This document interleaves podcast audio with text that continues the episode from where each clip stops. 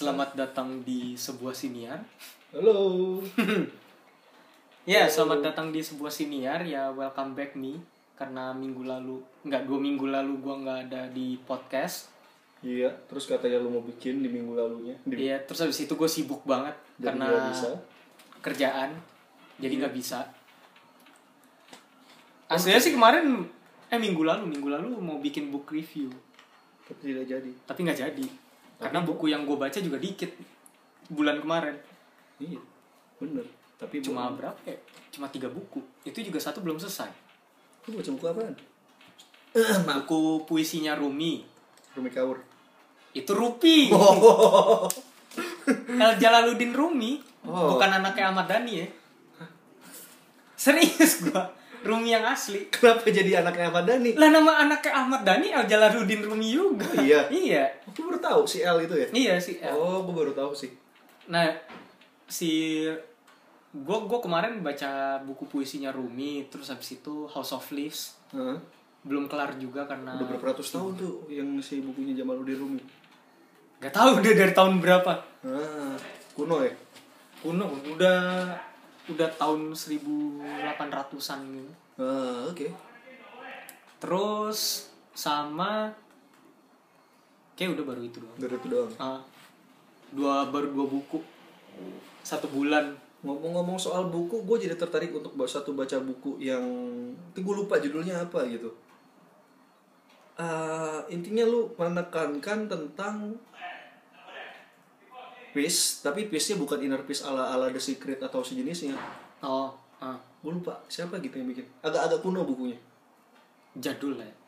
Jadul. Tapi sekarang kan gimana ya kayak kalau misal kita ngomong selera buku zaman sekarang tuh kalau tahun 2000-an pertengahan sampai 2010-an akhir pertengahan itu kan buku-buku New Age sangat bertebaran sangat-sangat laku. Kayak The Iya. Secret terus apalagi apa sih? The Secret The Power of Mind dan sejenisnya gitu. Itu kan banyak banget tuh yang laku. Filsafat-filsafat New Age kayak gitu postmodern. Nah kalau kita lihat di 2000 setelah 2015 lebih tepatnya setelah 2016 16, 17, 18 itu lebih banyak lebih ke banyak self help.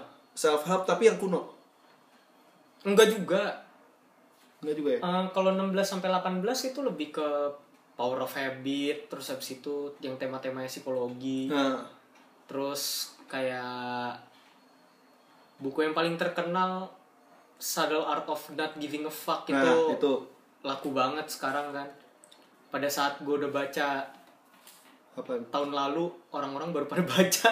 itu gue belum baca sih Sebenarnya bagus sih dia menekankan pada hidup itu bukan cuma mikirin apa yang orang lain pikirin enggak mikirin perkara lu doang. oh hidup ini gak cuma tentang lo gitu ya Enggak juga. Jadi hidup ini bukan perkara lo mikirin masalah doang, tapi mikirin apa yang harusnya jadi solusi dari masa lalu itu juga dipikirin gitu. ah iya, iya. Itu kenapa lo harus bodoh amat sama masa lalu? oke nah eh, jadi ada satu buku gue lupa ini di, direkomend sama teman gue buku udah kuno gitu lah tapi nggak sampai kuno ratusan tahun ya jadi kayak buku tahun 80-an 90-an awal sekarang di remaster gitu remaster emang Anjay, remaster. emangnya game Eh, di Dicetak ulang. dicetak ulang dan bahasanya juga direvisi gitu kan untuk bahasa zaman sekarang. Nah buku-buku kayak gitu tuh juga banyak. Contoh, Contohnya kayak Dale Carnegie punya buku tuh. Dale Carnegie yang mana nih? Kan banyak tuh dia ya. Punya. ah. Banyak yang dicetak ulang dan bahasanya lebih. Soalnya gue pernah beli bukunya Dale Carnegie yang tahun 89 nih kalau nggak salah. Hmm. Bahasanya pas gue baca anjir nih kayak kayak gue baca textbook psikologi jam yang tahun segitu gitu. Sama kayak ini sih apa? eh, tahun 2018 juga masa kejayaan kembalinya buku-buku Malcolm Gladwell. Nah iya. Kayak Bling gitu kan. Itu lagi banyak banget yang beli. Padahal sebenarnya itu udah lama. Udah lama banget gitu kan. Gue udah baca dari nggak tahu kapan Itu udah sebelum sebelum eranya John Maxwell gak sih?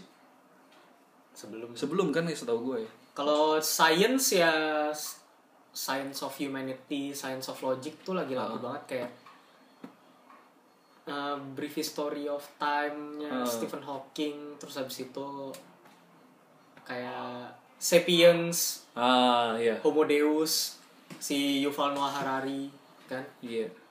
Buku-buku kayak gitu lagi banyak juga. Tahun kemarin akhir sampai tahun ini lah.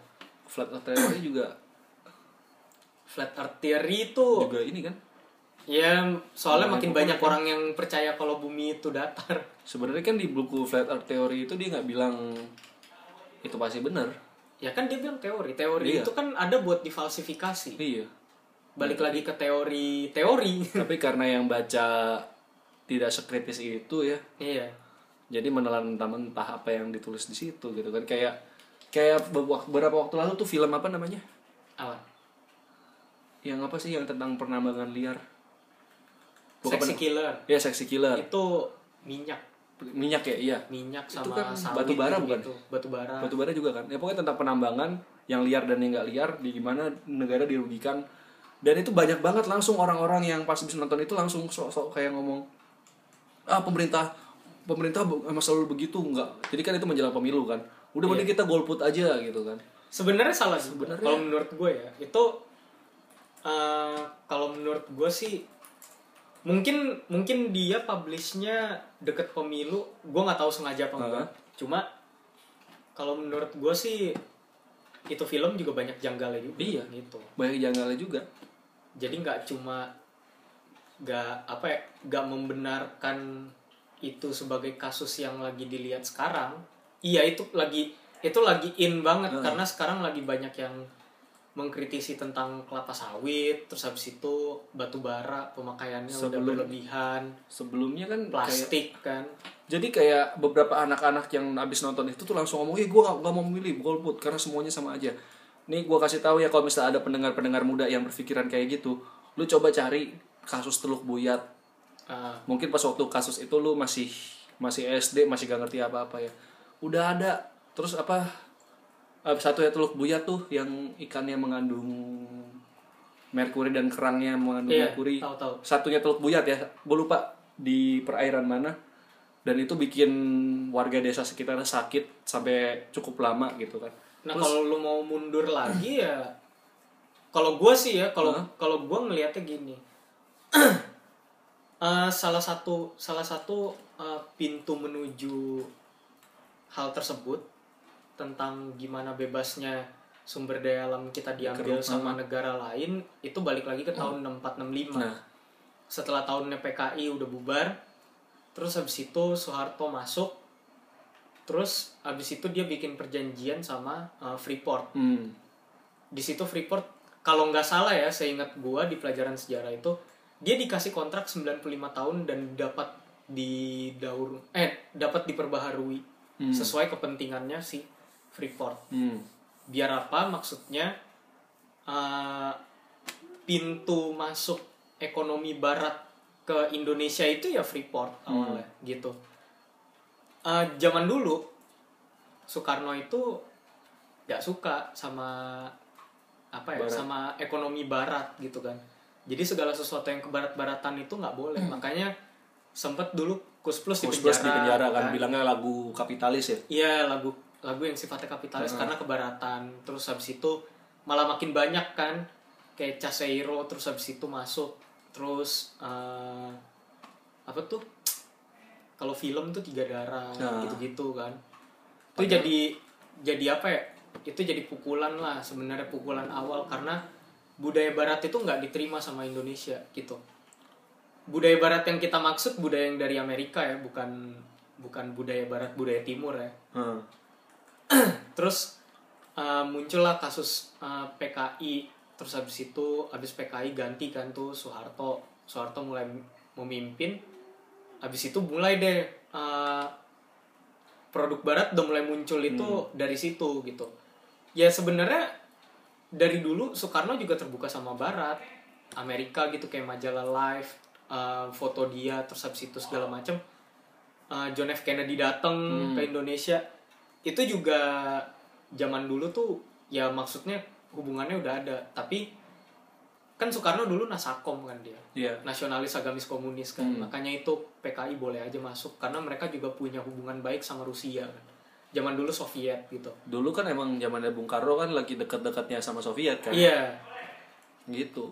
jadi soskom itu masih deket banget sama kita gitu. Jadi kayak pas waktu itu nih ya, ini eh, jadi ada yang bilang pas waktu Super Semar ada ada satu teori gitu ya nggak tahu bener apa enggak silahkan cari kebenarannya sendiri. Jadi pas super semar itu tuh Pak Harto Soeharto itu didukung sama Amerika katanya gitu Katanya katanya, gitu. ada syaratnya Katanya. gitu Katanya jadi kalau ya. misalkan kalau misalkan dia dibantu sama Amerika ada ada syaratnya ada syaratnya ada salah satunya si sendiri. Freeport itu salah satu Freeport gitu kan karena Freeport udah ngeker Papua dari zaman kapan Iya. tahu gitu kan cuman kan waktu itu kan kasusnya Papua kan itu Masih kan nggak masih jelas. iya dan di situ si Papuanya sendiri mau merdeka tapi Indonesia masih ngebantuin dan Hmm. itu bikin uh, Papua pengen sama Indonesia juga Hmm. gitu gitu jadi ya itu kalau ngomongin soal Jadi kalau dilihat kalau dilihat secara kalau bahasa Inggrisnya retrograde gitu, Uh-huh. secara mundur. Ya lo lihat lagi dari belakang tuh zamannya presiden-presiden Iya. awal juga udah begitu gitu. Jadi lo nggak bisa tuh yang namanya iya eh, gak di manage dengan baik bla bla bla enggak, udah dari dulu gitu. jadi ya maksudnya kalau misalkan lu golput karena itu gitu ya menurut gue sih Agak sempit lah. agak sempit aja dan Maksudnya masih banyak alasan lain yang bisa bikin lo golput dan golput itu hak lo. iya Dan golput itu bagian dari demokrasi. iya kalau emang lu gak merasa ada Faedahnya, faedahnya lo lu berpolitik. berpolitik ya udah silakan gitu tapi nggak usah ngajak-ngajak orang gitu gak usah mempengaruhi lu harus ini karena bla bla bla berdasarkan film ini bla bla Iya. Jadi kalau menurut gue sih gini, jangan bikin kenapa lu harus golput, tapi lu bikinnya kenapa saya golput. Iya. lu jadi nggak ngajak orang sebenarnya, tapi lu menghormati orang-orang lain yang milih. Tapi kalau misalkan lu nggak milih, so be it, itu hak lu juga gitu. Nah, jadi berdasarkan ngomong-ngomong soal ini ya, kan ada ada unsur politiknya kurang lebih banyak. Kita mau ngomongin di episode kali ini tentang confirmation bias. Apaan tuh dok confirmation bias? Eh, bahasa simpelnya gimana ya? Coba kita bahasakan dengan Confirmation bias itu yang lebih gini. mudah. eh, salah satu elemennya adalah cherry picking. Ya. Cherry picking dan menjadi subjektif. Hmm. Eh, kenapa cherry picking? Karena lu nyari fakta yang mendukung lu. Mendukung lu doang gitu bukan yang udah nyari fakta yang sebenar-benarnya. sebenar-benarnya gitu. Jadi kenapa subjektif? Karena lu mengikuti emosi lu Ya. Akan kesukaan lu akan sesuatu. Misalkan kayak ya bilang lah lu ya kayak gue lah gitu suka sama PewDiePie. Heeh. Ya gue jadi confirmation bias sempet dulu. Sama sama si Gara-gara PewDiePie. dia ngomong N-word itu yang pas PUBG. Heeh. Ya kan dia bercanda bla bla bla gitu. Tapi gue sadar juga lama-lama. Ya dia salah juga ngapain dia Iya. ngomong kayak gitu kan. Cuma bukan berarti itu uh, bisa disalahkan gitu. Karena kadang manusia itu bukan objek yang logika. Hmm. Maksudnya uh, gak hanya logika doang, tapi dia juga main dengan perasaannya. Dengan pemikiran-pemikiran berdasarkan pengalamannya di zaman dulu dikaitkan dengan sekarang gitu kan. Jadi kayak contohnya confirmation bias ya. Misalkan ada dua kubu, PewDiePie sama T-Series yang sekarang lagi rame. Itu apa sih dok? Gue ngerti. Ya jadi kan kalau PewDiePie itu kan sebagai YouTuber paling banyak subscribernya. Indie. Indie Apa ya? Bukan indie lah, independen. Independen gitu. Kalau satu lagi Karena kalau indie nanti senja-senjaan. yang Ini youtuber independen yang dia uh, self-made self-made istilahnya. istilahnya. Satu lagi T-Series itu eh, Satu perusahaan, Satu perusahaan musik terbesar musik di, di India. India. Nah ini Indi ya bukan India ya, tapi India. Nah, negara India ya Negara bukan India bukan kayak gitu nah itu subscribernya balap-balapan Ke- terakhir berapa 90 juta ya 95. 95 ya sekarang, Sekarang tuh PewDiePie 95, T-Series itu 95-an lebih. masih tinggi mana Sekarang jadi tinggian T-Series nah Sedangkan si uh, videonya kemarin si PewDiePie itu ngomongin tentang jangan jangan ngomongin tentang subscribe to PewDiePie lagi karena kejadian di New Zealand kemarin. ah, kenapa emang Oh lu nggak tahu ya? nggak tahu gue Lu tahu nggak sih yang pembunuhan yang di masjid itu? Di video live streamnya itu, snuffnya itu, ngomong subscribe to PewDiePie si pembunuhnya bilang kayak gitu. astaga Nah itu jadi dihubungin secara negatif ke PewDiePie padahal si PewDiePie kenal juga enggak gitu. iya Jadi dikorelasikan dengan sesuatu yang negatif padahal sebenarnya hubungannya apaan? Kagak Iya. hubungannya juga, dia nggak ngasih contoh yang nggak bener juga gitu kan. iya Jadi si PewDiePie juga kesel juga gitu. nah jadi kayak contohnya salah confirmation biasnya adalah kayak di series tuh kan katanya ya pakai jadi apa istilahnya pakai algoritma khusus yang lu di lu di Kalau lu dari India, dari India lu, lu, langsung punya subscribe. lu punya Google account gitu buka YouTube lu langsung auto subscribe City Series Iya. sedangkan tuh kalau PewDiePie kan enggak lu harus Ya, klik itu organik. buka channelnya dan klik kayak gitu kan Iya. makanya si City Series bisa banyak banget gitu kan Itu rumor sih. Cuma itu rumornya cuma banyak juga uh, confirmation biasnya salah satu itu. Yang Uh-huh. kedua adalah lu pernah nonton yang Asian Boss gak sih? apa tuh Jadi Asian Boss itu satu channel tentang Asia semuanya. Dia pernah ngebahas tentang lo sadar gak sih kalau ada perang di YouTube yang namanya T-Series lawan PewDiePie. Heeh. Terus ada beberapa orang yang ngedukung T-Series secara buta gitu. Heeh. Dia bilangnya kayak, "Iya, T-Series kan dari India, jadi kita harus ngedukung apa yang dibuat India. Lagian PewDiePie itu gini-gini gini." Dia langsung ngomonginnya tentang nasionalismenya dia Heeh. gitu, jadi dia harus dukung gitu. Bukan berdasarkan sesuatu yang objektif kayak kualitas videonya Heeh. atau apa aja yang sudah dilakukan T-Series, apa su- apa aja yang udah dilakukan sama PewDiePie gitu. Enggak, dia nggak ngeliat itu gitu. Sedangkan kalau nggak salah dia pernah charity live streaming si PewDiePie Hmm. buat India Hmm. Penyediaan air bersih gitu. Hmm. Nah itu nggak dilihat sama mereka. Dia ngelihatnya cuma gara-gara lu lu apa PewDiePie itu bikin distracknya beach lasanya. Masa dia ngatain orang ngatain India ngatain beach lasanya gitu gitu. kan ngata-ngatain negara India gitu Iya. namanya. Nah, sekalipun misalkan kalau misalnya dari kubu Series gitu, sekalipun misalkan dia tahu PewDiePie pernah bikin live streaming tentang Charity-nya charity India. tentang ke India gitu. Kok tentang sih? Charity tentang apa tentang lagi. Ngomong tentang mulu, charity air bersih di India gitu kan buat India. Pasti ya kubu Series yang tadi itu akan ngomong, "Ah, ini kan cuma pencitraan." Iya, jadi Gitu. nggak terima. Nggak terima juga, nggak Terus habis itu dia langsung ngomong kayak Iya kan si PewDiePie pernah ngomong N-word di live streaming ini. Heeh. Jadi dia jahat, jadi nggak boleh di follow Iya. gitu. Nah, kalau dari dua kasus ini nih ya, PewDiePie sama T-Series, yang satu kubunya PewDiePie ngomong, T-Series apa pakai algoritma khusus itu curang gitu kan. Kecurangan yang masif, terstruktur dan Sistematis. sistematis gitu kan. Sedangkan si T-Series, pendukung T-Series ngomong PewDiePie itu apa pencitraan, orangnya Rasis gitu. rasis apalah gitu kan, ngomong sembarangan. Masa YouTuber terbesar ngomongnya kayak gitu? Udah ngasih contoh. Nggak ngasih contoh yang baik tidak tidak mendidik gitu kan Ah. ya mirip kan dengan situasi yang terjadi di Indonesia sekarang ini Iya.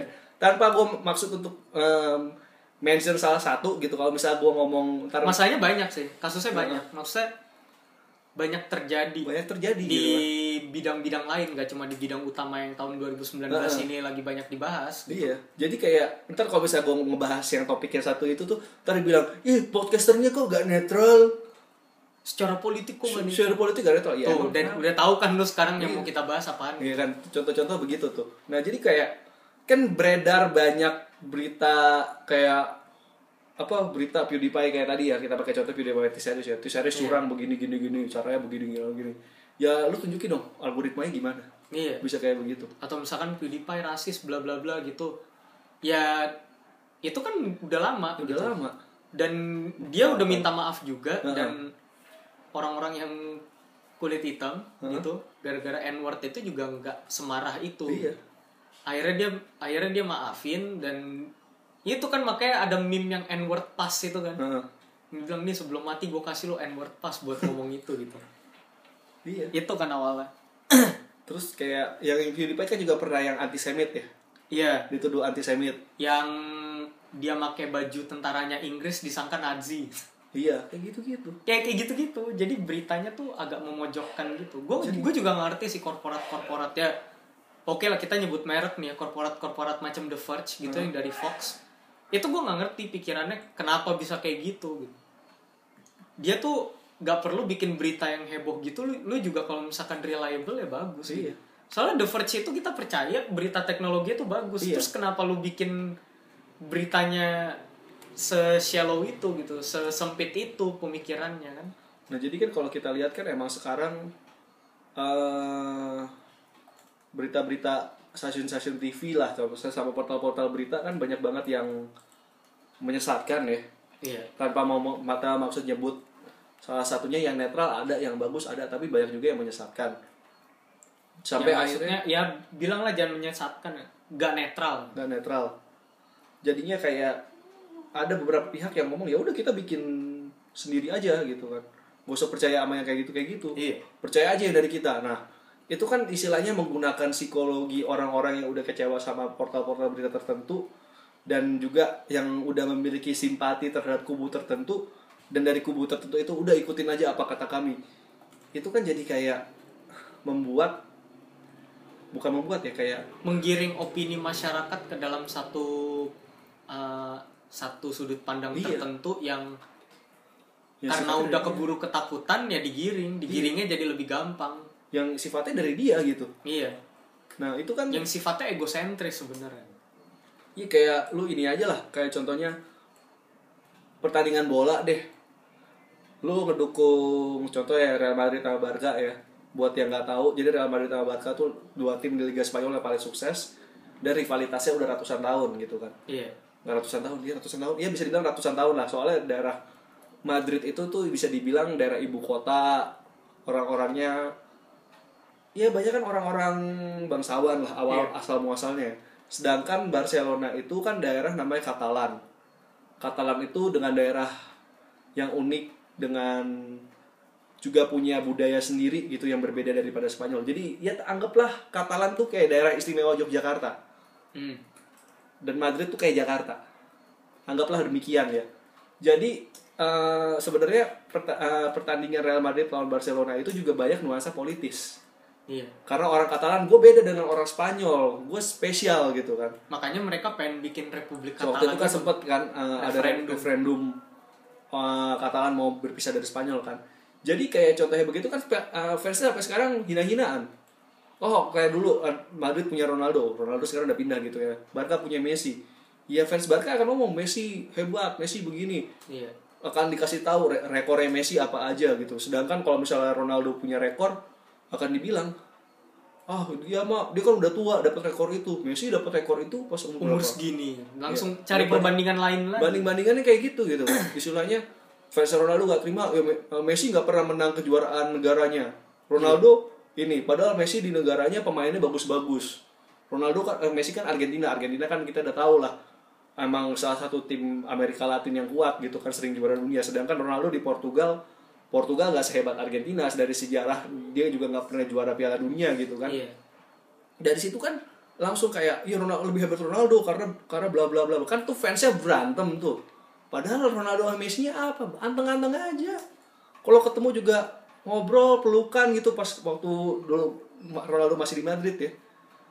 Fansnya berantem gitu kan. Jadi istilahnya kayak karena lu udah bias sama satu klub dan klub itu udah identik dengan satu bintang satu tokoh ya lu jadinya lihat yang kubu satunya lagi akan lu hina-hina. Iya bakal jelek. Bakal jelek gitu. Terus kayak contohnya lagi ya paling sering ya "Ah, Ronaldo kan apa? Ronaldo tuh main cewek. Anaknya aja si siapa tuh? Gue lupa. Ya Cristiano Ronaldo Junior lah sebut aja. Dia aja nggak jelas ibunya siapa. Gitu kan. Terus sudah- sedangkan Messi dia nikah sama sahabatnya dari masa kecil mereka udah dekat itu kan benar-benar Messi istilahnya nggak tukang main cewek secara moral lebih bener ya terus hubungannya terus apa? kenapa? Itu nggak berpengaruh sama kekuatan dengkul lu dalam bermain bola. Iya. Gitu kan? Atau istilahnya kayak Messi taat beragama Ronaldo kurang ya, ya terus, kenapa? terus kenapa gitu? Dia atlet bola gitu bukan atlet. Iya bukan atlet. Bukan atlet doa gitu. Bukan atlet doa. Bukan pendeta gitu iya ya. bukan pendeta jadi nggak ada hubungannya. Ya tidak udah. tidak ada hablumnya. Iya dia kan atlet bola. Lu ngomongnya by bola aja tapi by bola pun juga lu nggak bisa lihat dari satu sisi aja gitu kan. Kayak misalkan uh, Ronaldo dribblenya lebih bagus daripada Messi. Iya. Ya itu beda cerita. Messi lebih jago gocek Ronaldo kurang bisa gocek gitu. Uh, tendangannya lebih kenceng Ronaldo. Ya Milner lebih kenceng lagi. Bener, udah kenceng tidak jelas ke mana iya Bebel lebih kenceng lagi. Eh, udah, itu mah lu kenapa kenapa jadi mention dua pemain yang pernah main di tim lu ya? Enggak karena gue bingung. Dua dua pemain itu yang satu masih dipakai Hah? dan dia masih bagus kecuali buat nendang gitu. Oh. yang satu lagi salah beli. Tapi yang satu lagi penyerang timnas Belanda loh itu Ryan Babel iya sekarang ya nah gue bingung ya ini kalau ini gue ngomong bola sedikit sorry kalau yang nggak ngerti jadi kalau misalkan yang ngamatin bola nih ya lu tahu timnas Belanda sekarang kan lagi naik lagi bagus iya tapi lu lihat dari zaman generasinya Van Persie, Robben, Sneijder, Huntelaar gitu. Zamannya Van Persie, Sneijder, Huntelaar, Robben itu penyerangnya jago semua. Tapi defense-nya ampas. Dan mereka nggak pernah juara tetap. Iya. Jadi enggak gue ngerasain gini. Kadang tuh tim yang orangnya bagus semua itu belum tentu bisa main bener. Iya kayak Lu bandingin sama Belgia. Belgia pemainnya tuh bisa dibilang pada zaman itu Heeh. pas pertama kali keluar Hah? itu tuh eh, apa Biasa ya aja. suam-suam kuku lah Biasa biasa-biasa aja. tapi mereka tuh mainnya padu jadi Mainnya jago bagus, mainnya jago. Nah, kalau misal kayak Belanda gitu zamannya Van Persie dan kawan-kawan lu tahu sendiri Van Persie golnya banyak. Kalau Iya. misalnya ngikutin Liga Jerman, Huntelaar golnya juga banyak gitu kan. Uh, terus Schneider tendangannya keras gitu. Robben gocekannya mantep, tendangan jarak jauhnya juga bagus. iya Terus tapi Belanda zaman itu belakangnya keropos. John Heitinga kalau lu tahu gitu ya. ya sekarang tua. nggak- sekarang nggak tahu ke mana gitu kan. Kalau dulu tuh bagus-bagus penyerangnya gelandangnya Van der Vaart, Schneider gitu kan. Iya. Penyerangnya Huntelaar, Van Persie, terus ada siapa lagi tuh? Nistelrooy waktu itu dulu juga masih udah udah masa uzur sih. Cuma Nistelrooy kan bagus masih banget. mas cukup tajam Nah kalau sekarang Belanda belakangnya kuat. depannya Matis depannya de Ligt, ompong. Virgil van Dijk gitu kan tengahnya Frenkie de Jong, Iya. Donny van der Beek sama satu lagi siapa tuh? Martin de Roon, mungkin lu gak tahu Van den Beek, Van den Beek tuh Ajax Amsterdam dia lagi lagi naik daun sama Martin de Roon tuh Atalanta lagi naik daun juga. Hmm. Atalanta kan bukan tim jago ya padahal ya. Nah, tapi penyerangnya Ryan Babel.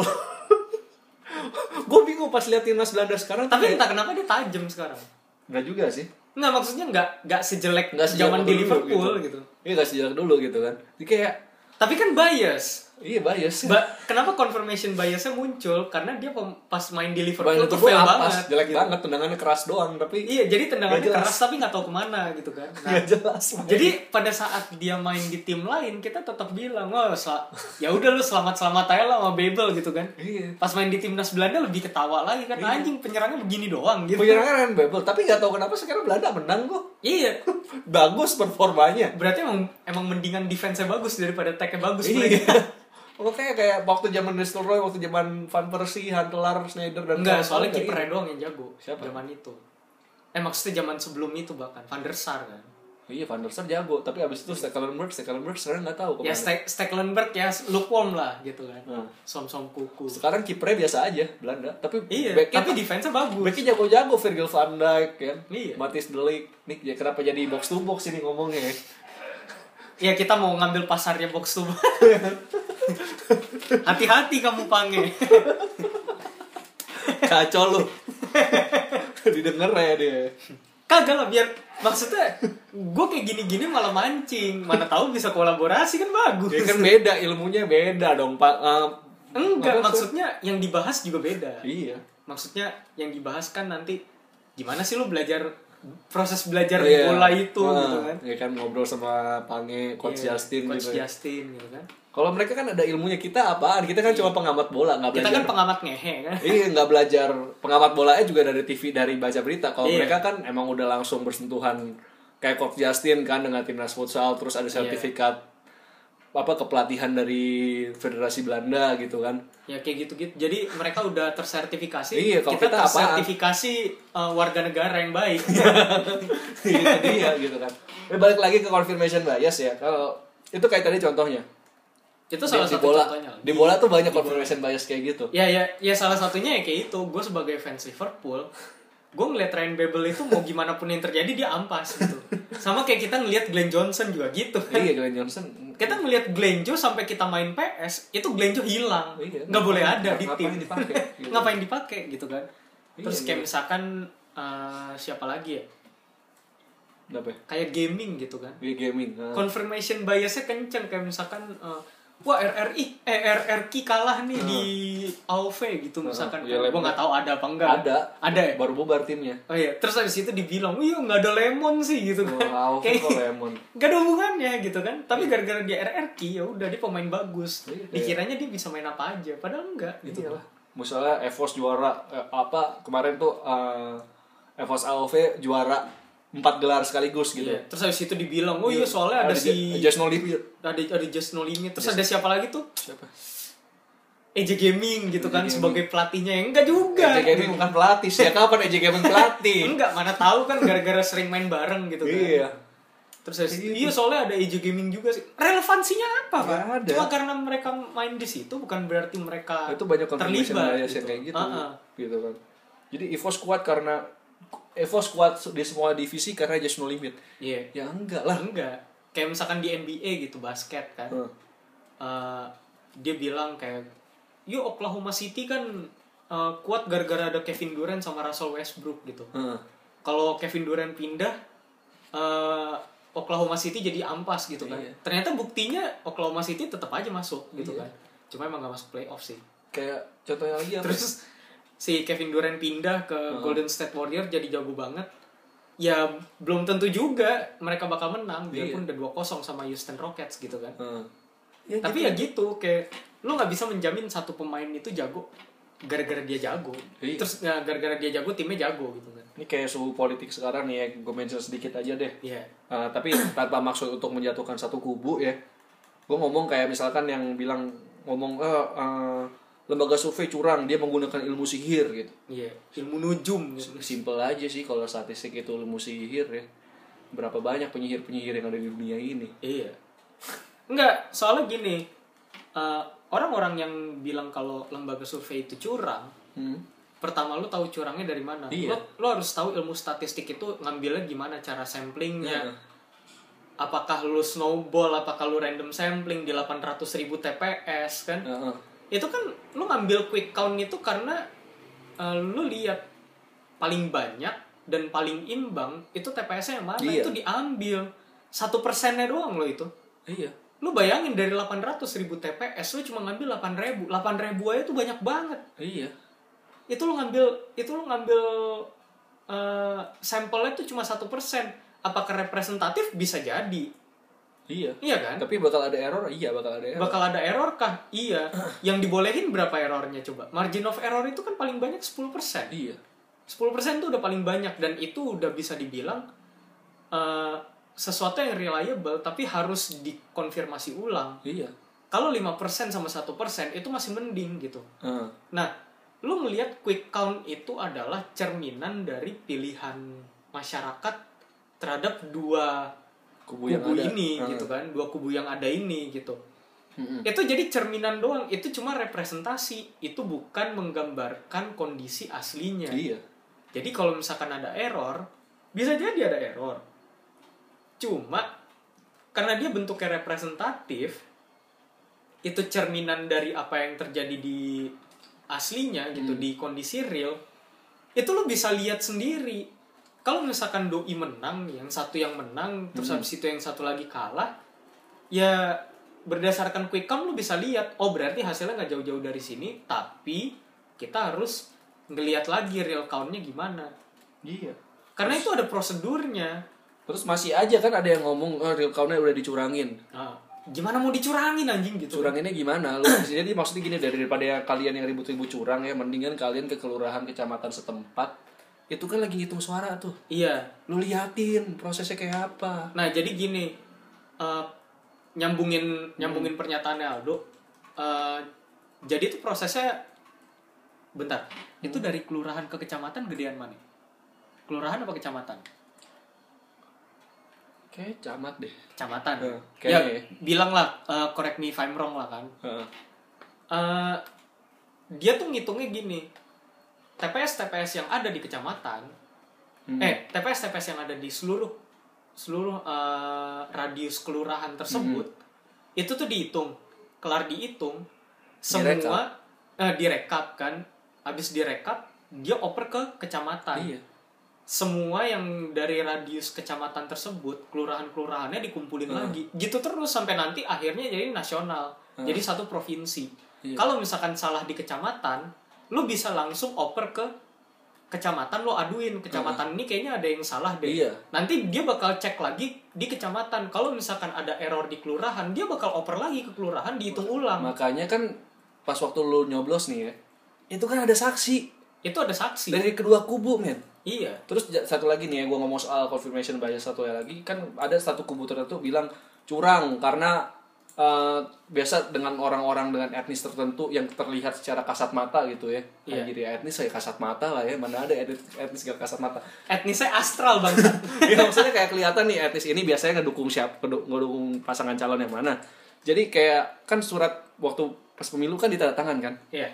Terus adalah yang ini suratnya gak ditanda tangan, terus langsung ngomong, ini curang nih. Gara-gara gua etnis ini makanya gak ditanda tangan supaya suara dari pasangan calon yang ini tergerus gitu kan. itu nggak bisa itu padahal lu bisa aduin kalau lu Ya. bilang kayak gitu nanti mereka bakal balikin lagi Kayak tanda tangan ulang kayak pas waktu gua, gua waktu itu udah masuk bilik suara, gua ngomong ke salah satu saksi, ini belum ditanda tangan. Hmm. Terus kata saksinya, boleh nggak ditanda tangan lagi? Saksi lain, oh boleh tanda tangan aja. yang penting kan ada saksinya Nah, nah kan udah ditanda tangan ya udah baru gua pilih. Nah masalahnya kan kayak sering banget orang udah seuzon ngomong ini ketua TPS ya nih karena mendukung salah satu kubu yang lain. iya Makanya orang dengan etnis tertentu yang biasanya stereotip untuk memilih pasangan calon yang lain eh, gak- sengaja gak ditanda tangan biar suaranya tergerus. Sekarang gini aja, itu TPS itu kan ngelayanin ratusan orang ya. Dan si ketua TPS itu kan mesti tanda tangan 5 su- lima surat suara selama rep, repet, re- apa repetisi gitu dari dari pagi sampai siang gitu. iya Ya dan, kan dia dan itu nggak capek. cuma satu orang loh Iya. kayak gitu-gitu itu lima surat itu harus ditanda tangani oleh satu orang yang sama Heeh. terus habis itu belum lagi petugas-petugas yang lain itu juga mesti tanda tangan Iya. Capek lah orang lu tanda tangan kayak begitu. Lu kayak gini aja lu ngitung du, eh, contoh sebagai orang yang ya yang kerja deh. Pasti kerja lu ada errornya kan selama satu hari kan. iya Ini juga sama ya lah orang maksudnya nggak nggak nggak tanda tangan ya skip. Mungkin dia capek, mungkin dia ke Iya. skip gitu. Ya wajar lah human error. ya kayak gini lah kayak misalkan gua nih dulu Heeh. uh, kerja di kafe Heeh. terus stoknya minus Heeh. kan itu kan sebenarnya kalau stoknya minus kan lu berarti miss kan Heeh. lu harus nombok kan kesel sih kesel cuma mau diapain gitu Iya. kan karena memang pasti ada hilafnya juga Iya, lu pasti nggak ada. masukin lah atau Iya, lupa- duitnya salah masuk catet. tapi nggak bikin bon gitu kan Heeh. Bisa. Bisa kayak gitu. Nah, itu itu kan human error dan itu wajar ya. Iya. dan jadi maksud gua dengan contoh untuk artis-artis tertentu yang waktu kemarin pemilu banyak ngomong kayak iya nih gak dikasih milih padahal udah coba ngurus surat gini gini gini gini. Masalahnya bukan bukannya mereka gak mau lu milih tapi mereka udah pusing nih dengan surat-suratan. Harus ngurusnya tetek bengek administrasi yang lu skip administrasinya ya dia mau ngapain ngurusin lagi gitu kan iya itu kalau bikin susah sebenarnya gitu. jadi lu tau lah prosedur administrasi di Indonesia birokrasinya itu kan ribet. Makanya ini nih gue sangat menekankan ya untuk teman-teman yang biasanya ignoran tentang administrasi pemilihan umum dan lain-lain. Sekarang baca aja aturannya atau segala macam. ada Ada. lu bisa baca ada PDF-nya mungkin Ada PDF -nya. Jadi- KPU Jadi jadi ada satu temen gue dia lagi koas di luar luar kota gitu ya. Pas waktu dia datang ke TPS udah bawa form A5 apa apa sih? C5 C5 ya. Udah bawa form C5 dibilang masih gak terdaftar di DPT iya. Di di di, di formnya nggak ada namanya. Terus ngotot-ngototan akhirnya dia ngomong pak ini ini saya ada KTP kan KTP itu kan opsi terakhir. Eh, bisa nggak nyoblos? Masih dibilang nggak bisa nyoblos akhirnya dia keluarin HP ada PDF dari KPU yang ada pasal-pasal pemilu pak menurut ini boleh pak? Iya. Dari situ boleh. Tertulis gini gini gini gini. Ya kalau misalnya udah dikasih kayak gitu oh ya udah secara hukum tertulis oke lah. Iya. Tapi kalau kan- soalnya gini kalau misalkan lu udah nunjukin itu dan masih nggak dibolehin itu bisa dituntut itu bisa secara dituntut hukum. secara hukum gitu.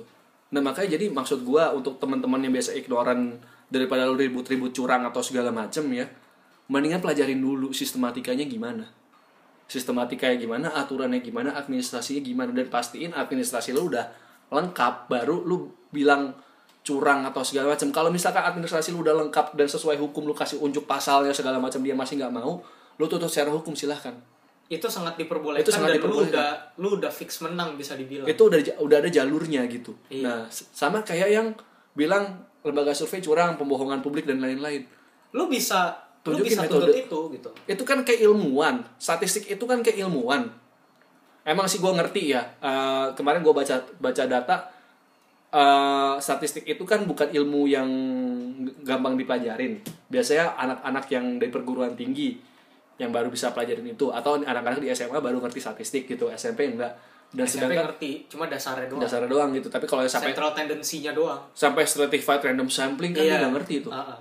Beda random sampling biasa sama stratified random sampling apa? Nah pasti pasti pada bingung, emang apa bedanya dok? Jadi kalau stratified random sampling gini nih, ini gue jelasin ya sekaligus ilmu statistik sedikit. Meskipun nilai statistik gue pas-pasan, Ini kan tapi gue jelasin aja. tapi ini kan ilmu dasarnya buat biar lo tahu lembaga survei itu ngapain kerjanya. Hmm. Jadi kayak misalkan nih ya di satu kampus, taruhlah di kampus itu ada enam fakultas. Enam fakultas itu kan proporsi beda-beda. Ada, Ada yang ada yang 150, ada misal, yang 300, ada yang 300, mungkin ada yang 500. ada yang 1000 ada yang mungkin yang seribu gitu kan di di satu angkatan pas lima masuk banyak gitu kan. Nah untuk lu mau tahu misalkan lu mau tahu pendapat mereka tentang eh, apa ya sebut top- topik eh, ini lah tentang tentang LDR gitu ya. Pendapat mereka tentang LDR setuju apa nggak setuju atau kalau ininya apa aja lu lu kasih kuesioner ke mereka. Nah kan popul eh, apa istilahnya random stratified random sampling itu tuh membagi eh, populasinya jadi rata. Istilahnya gini taruhlah sebut ambil 10% dari masing-masing fakultas. 10% dari 6 fakultas itu. Kan ada yang 10 Masing-masing persennya 10. ada yang 10 persennya contohlah kalau yang 1000 tiba-tiba 100 100. tapi yang 150 kan cuma 15, cuma 15 nah itu kan nggak imbang. Makanya stratified random sampling itu tuh melihat dengan ininya dengan proporsi fakultasnya baik kan ada teorinya juga perhitungan kalau misalkan populasinya berapa berapa banyak ambil berapa sih yang representatif. Otomatis yang 150 sama yang 1000 jumlahnya pasti beda diambilnya. Mungkin ser- yang 1000 itu ngambil ngambil 30 udah cukup representatif. Sedangkan 150 itu harus ngambil 40 atau 50 terbalik setan. Ya iya maksud gua kayak gitu. Yang ngambil 150 lu bisa ngambil 30 Ya, bisa doang dan 30. itu udah representatif. Sedangkan yang 1000 yang 1000 lu harus ngambil 60 sampai 60 70 orang. 70 atau mungkin 80 orang. Iya. Kayak gitu tuh contohnya tuh certified random sampling. Makanya jadi kayak di eh, yang lembaga survei lakuin adalah tentunya TPS tadi kan 8000 TPS ya? Iya. TPS di Jawa Barat pasti lebih banyak dibandingkan TPS di siapa mana ya? Eh, yang daerah sepi. Bilanglah Papua. Papua gitu misal Papua Barat atau mungkin yang provinsi kecil deh. DI Yogyakarta sama Jawa Barat. Ya pasti Iya. beda lah. Pasti beda. DI Yogyakarta paling TPS-nya berapa? Jawa Barat kan seluas apa? Ya kan? Kayak gitu loh. Mikirnya sesimpel itu aja. ini lu ngitung Jawa Barat itu termasuk Depok Bekasi Iya. Tangerang Bandung. Bandung kota Iya, terus Bandung itu Kabupaten. Sumedang Bandung Kabupaten gitu-gitu. Itu kan beda semua. Lu tahu Indonesia seluas apa lah. Jadi kayak maksud gua kalau misal lu ngomong ini curang karena lu udah bias duluan gitu ya ya lu pelajarin. Sebenarnya gimana sih? Lu biar maksudnya biar nggak bias gitu. Jangan sampai lu bilang gini ya nih apa eh, berdasarkan tim tim personal dari kami. Yang lu nggak bisa bilang kayak gitu. Lu harus lihat lagi selain tim personal dari lu lu harus nyari fakta-fakta lain Iya. gitu.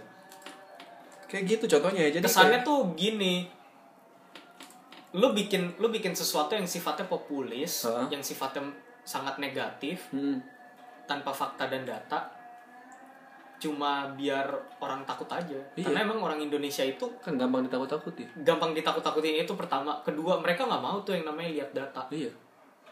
Jadi dibilang nih misalkan ya kayak inilah kayak iklan gitu. Iklan tuh paling gampang ngebohongin Iya. orang Indonesia. Kenapa? Lu misalkan nih lihat yang nih gua nggak mau nyinggung satu agama atau gimana gitu ya. Hmm, cuma gua agak risih dengan sesuatu yang labelnya halal gitu. heeh. kayak misalkan nih kulkas halal gitu kan emang kulkasnya ada babinya gitu kan nggak ada gitu. heeh. tapi kan gue nggak tahu kan halal itu dari apa aja kan Hmm. bisa jadi dari produksinya kah dari apa gitu kan Hmm. gue nggak tahu atau misalkan dari uang money laundering itu berarti haram gitu kan bisa Nah, jadi bisa gitu. jadi nah cuma kan em, menurut gue ya label halal itu sekarang jadi gampang banget dipakai sama orang biar menjustifikasi kalau barang itu bagus Iya. gitu Em, menurut gue jadi mengalahkan konten dari barangnya pertama konten dari barangnya kedua mengalahkan eh, standar dari Indonesia standar nasional Indonesia udah ada gitu Hmm. ngapain lu bikin lagi halal gitu kan hmm. terus kayak misalkan iklan pembalut atau iklan sikat gigi 8 dari 10 pengguna gitu kan Hmm. Ya 8 dari 10 sampelnya berapa? Kalau Iya. misalkan sampelnya 10 juga ya pantas gede gitu kan. Iya. Tapi kalau 8 dari 10 tapi ngambil sampelnya 160 juta ya Hmm. nggak ada ngaruh-ngaruhnya berarti kan. Iya. Kayak gitu. Tapi yang paling yang paling kelihatan itu sih eh, kalau misalkan data ya data itu paling bisa dibohongin pertama itu 8 dari 10 kedua halal. Itu paling gampang. Hmm. kenapa buat menggiring opini publik biar mau beli barang itu ya cara marketingnya adalah dengan politik identitas tuh pertama Hmm. ya cara-cara yang primordial Hmm. primordial tuh kayak suku identitas lo agama lo apa karena agama lo sama terus habis itu lo jadi milik gitu-gitu Hmm. sama satu lagi adalah data yang keluarnya gampang Yep. 8 dari 10 7 dari 10 9 dari 10 terus habis itu eh, terbukti secara klinis Hmm.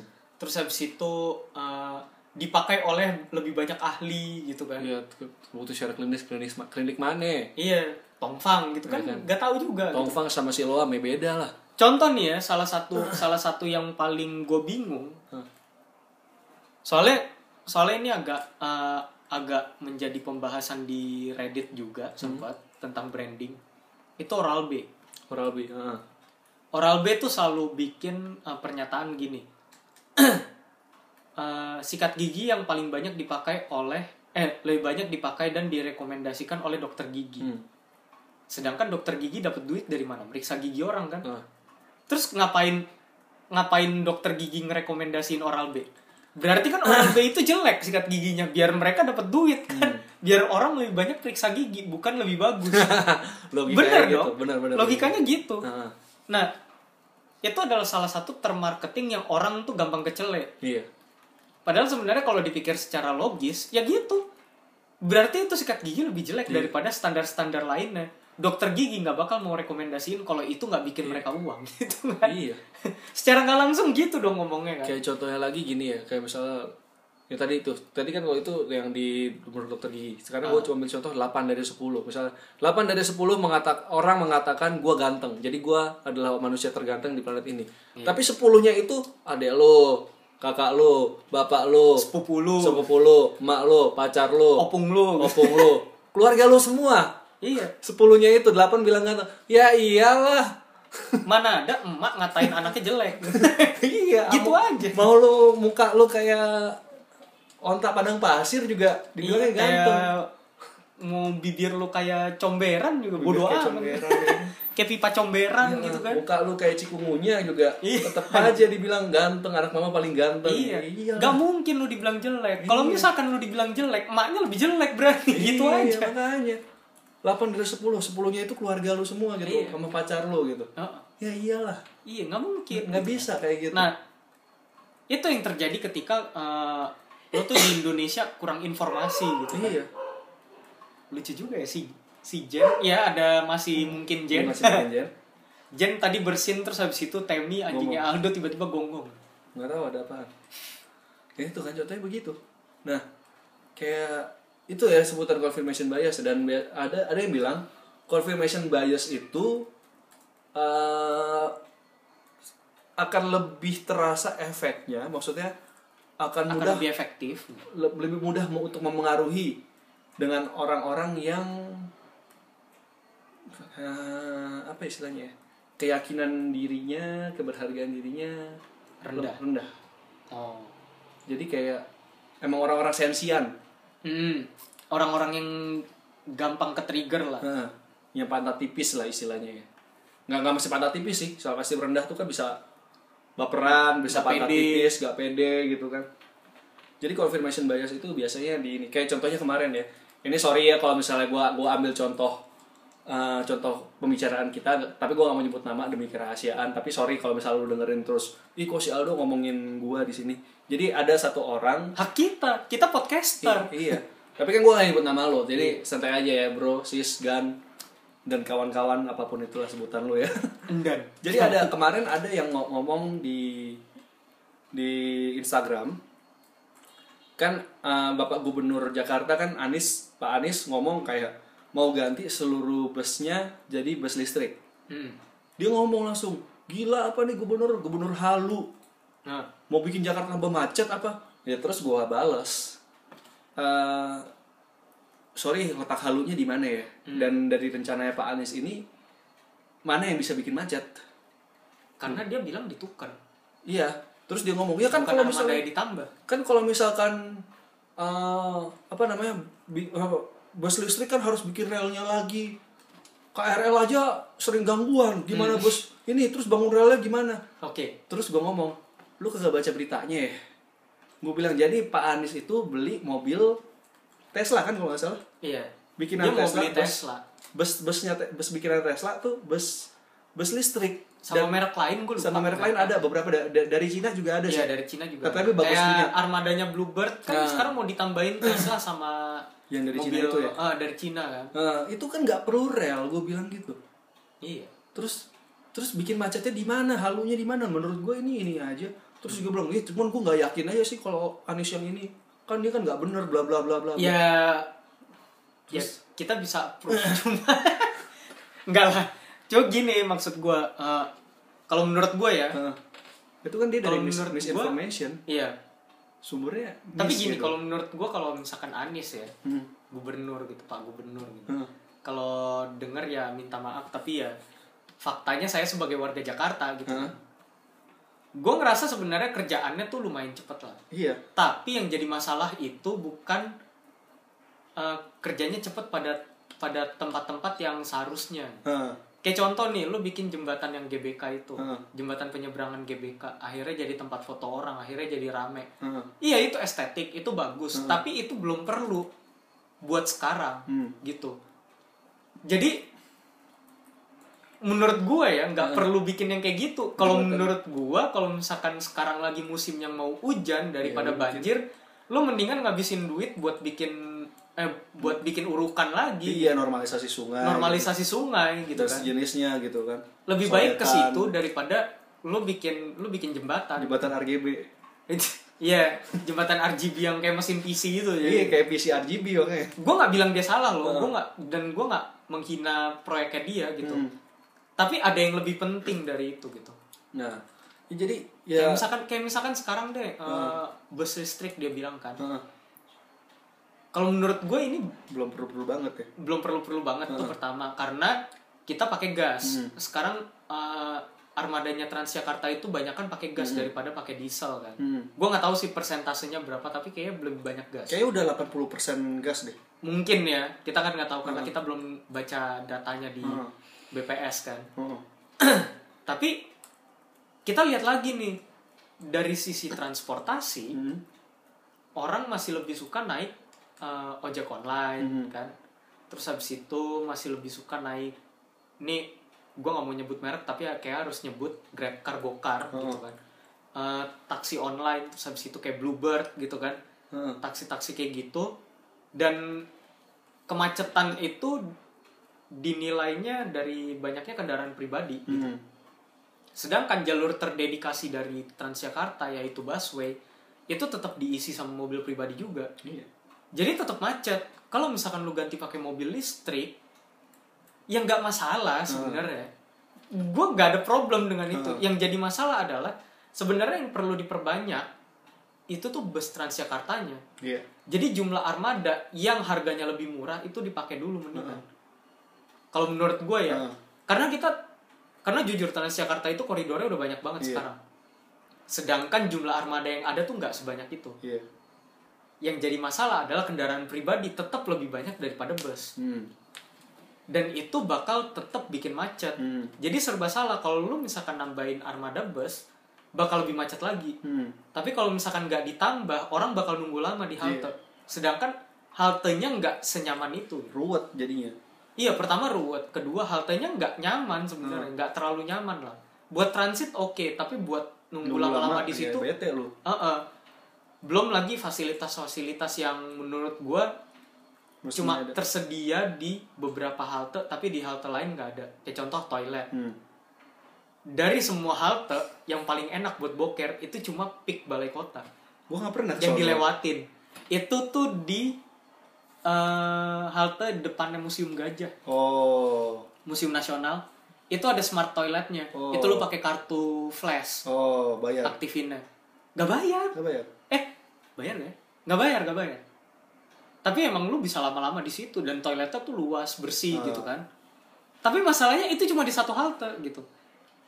Toilet bahkan toilet aja itu nggak ada di semua halte. Iya. nah itu yang sebenarnya jadi concern utamanya Heeh. kalau menurut gua menambah kenyamanan di halte lebih baik daripada menambah armada busnya Hmm. dulu gitu Jadi kayak contohnya ya, waktu itu kan gua kalau gua kebelet BAB hmm. pas lagi naik busway. gua Gua cawang iya, lo harus ke hotel dulu gue turun waktu itu gue pernah tuh dari dari dari Pinang Ranti kan gue mau ke kampus waktu itu lagi musim banjir nah, macet dah tuh di UKI kayak apa tahu Iya. mana AC-nya dingin hmm. lu tau lah orang mules kena AC dingin nah, mantap. Sensasinya kayak apa kan? Iya. akhirnya gue turun di BNN sebenarnya kan hotel Ibis. Akhirnya lo ke situ gue coba. masuk gue nanya ma eh, ke satpam pak WC di mana? Ya udah gue masuk ke WC dan gue berapa kali lakuin itu pas waktu gue di Pluit ke salah satu hotel kayak gitu. Atau kalau misalnya nggak ada hotel gue cari pom bensin. Iya. Nah karena di WC, di di halte gak ada WC gitu. Jadi ya udah bayar tiga setengah lagi nggak apa-apa Iya. gitu. Dan ada WC pun WC-nya masih jongkok. Iya. itu lebih bahaya lagi nah jadi buat orang-orang yang nggak biasa atau orang-orang anemia kayak gua Nah. kagak bisa tuh namanya boker di atau tempat kayak atau gitu. atau lu abis latihan fisik. Habis latihan fisik. Abis latihan fisik mau squat itu sakit. Squatnya itu kaki lu kayak gimana abis itu lu, lu boker Iya. jongkok. Itu Abis sensasi- boker jongkok capek kan? Dengkul lu lemes akhirnya lu jatuh ke dalam tempolongnya. Aduh. Berat kan jadi. Aduh kok gimana gitu ya? Ya, udah jadi- gitu kayak misalkan lu ah, ya toilet lagi. Ah. masih ngomongin tentang toilet kayak misalkan toilet di halte fluid Hah? itu bisa dipakai buat pipis tapi nggak bisa dipakai buat boker kal- karena tekanannya nggak sekuat itu. Ah itu. Gitu gitu ya. Ini ternyata tekanannya bukan sekuat itu. Eh bukan karena tekanannya nggak kuat toiletnya. Tapi gara-gara gayungnya kagak ada adanya gelas dan jadi- buset. Jadi lu bersihin pakai itu ya mana mana, masuk nggak tainya kan? gitu, nah. Iya, jadi ini balik lagi ke tadi beritanya ini dan teman gue yang merespon kayak gitu. Nah, jadi dia akhirnya admit, iya gue udah udah sensi sama Pak Anies. Nah, Jadi makanya gue kayak gitu. Iya. ya mau Dia, gimana kan dia sadar akhirnya gitu kan. Tapi dari awal gue udah bilang nih orang sensi banget. iya Gitu kan. Karena menurut gue ide Pak Anies ini ya yang datengin mobil listrik itu kurang lebih sama kayak idenya waktu itu zamannya Pak Foke Ah, yang bilang mau di semua jadi BBG.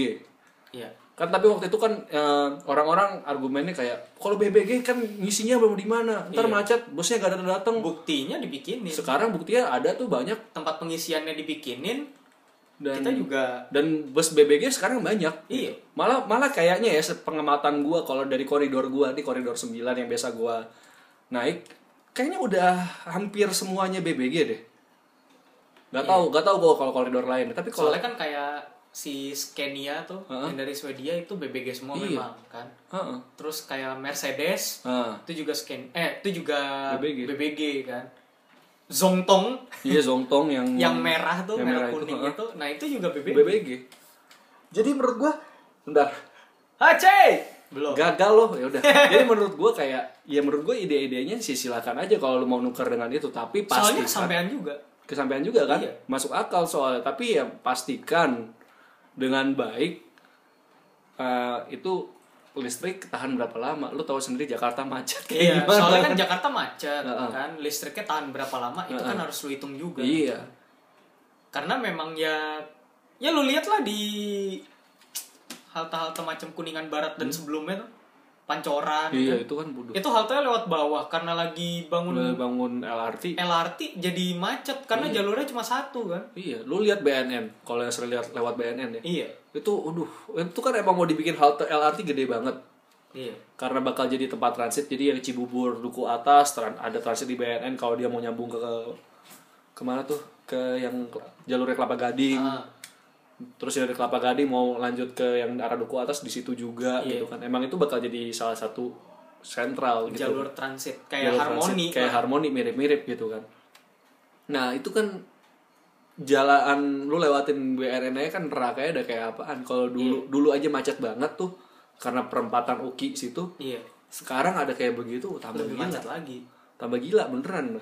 Lu coba aja gitu kan. Ah, ah. nah itu harus dilihat juga. Nah itu salah satu alasan buat teman-teman gua lu kenapa gak pengen bawa mobil sih dok? Kayak gitu lu lihat aja Jakarta Timur. Coba coba main ke rumah gua lu bawa mobil ke situ bukan stres lu. Boro-boro. Lu naik bus aja udah stres iya gitu lu bawa pak- pakai mobil udah bensin keluar terus gitu kan bakar Iya. bensin kaki lu pegel mantengin kopling ya kan. Mobil gua manual soalnya. Jadi ya kayak gitu.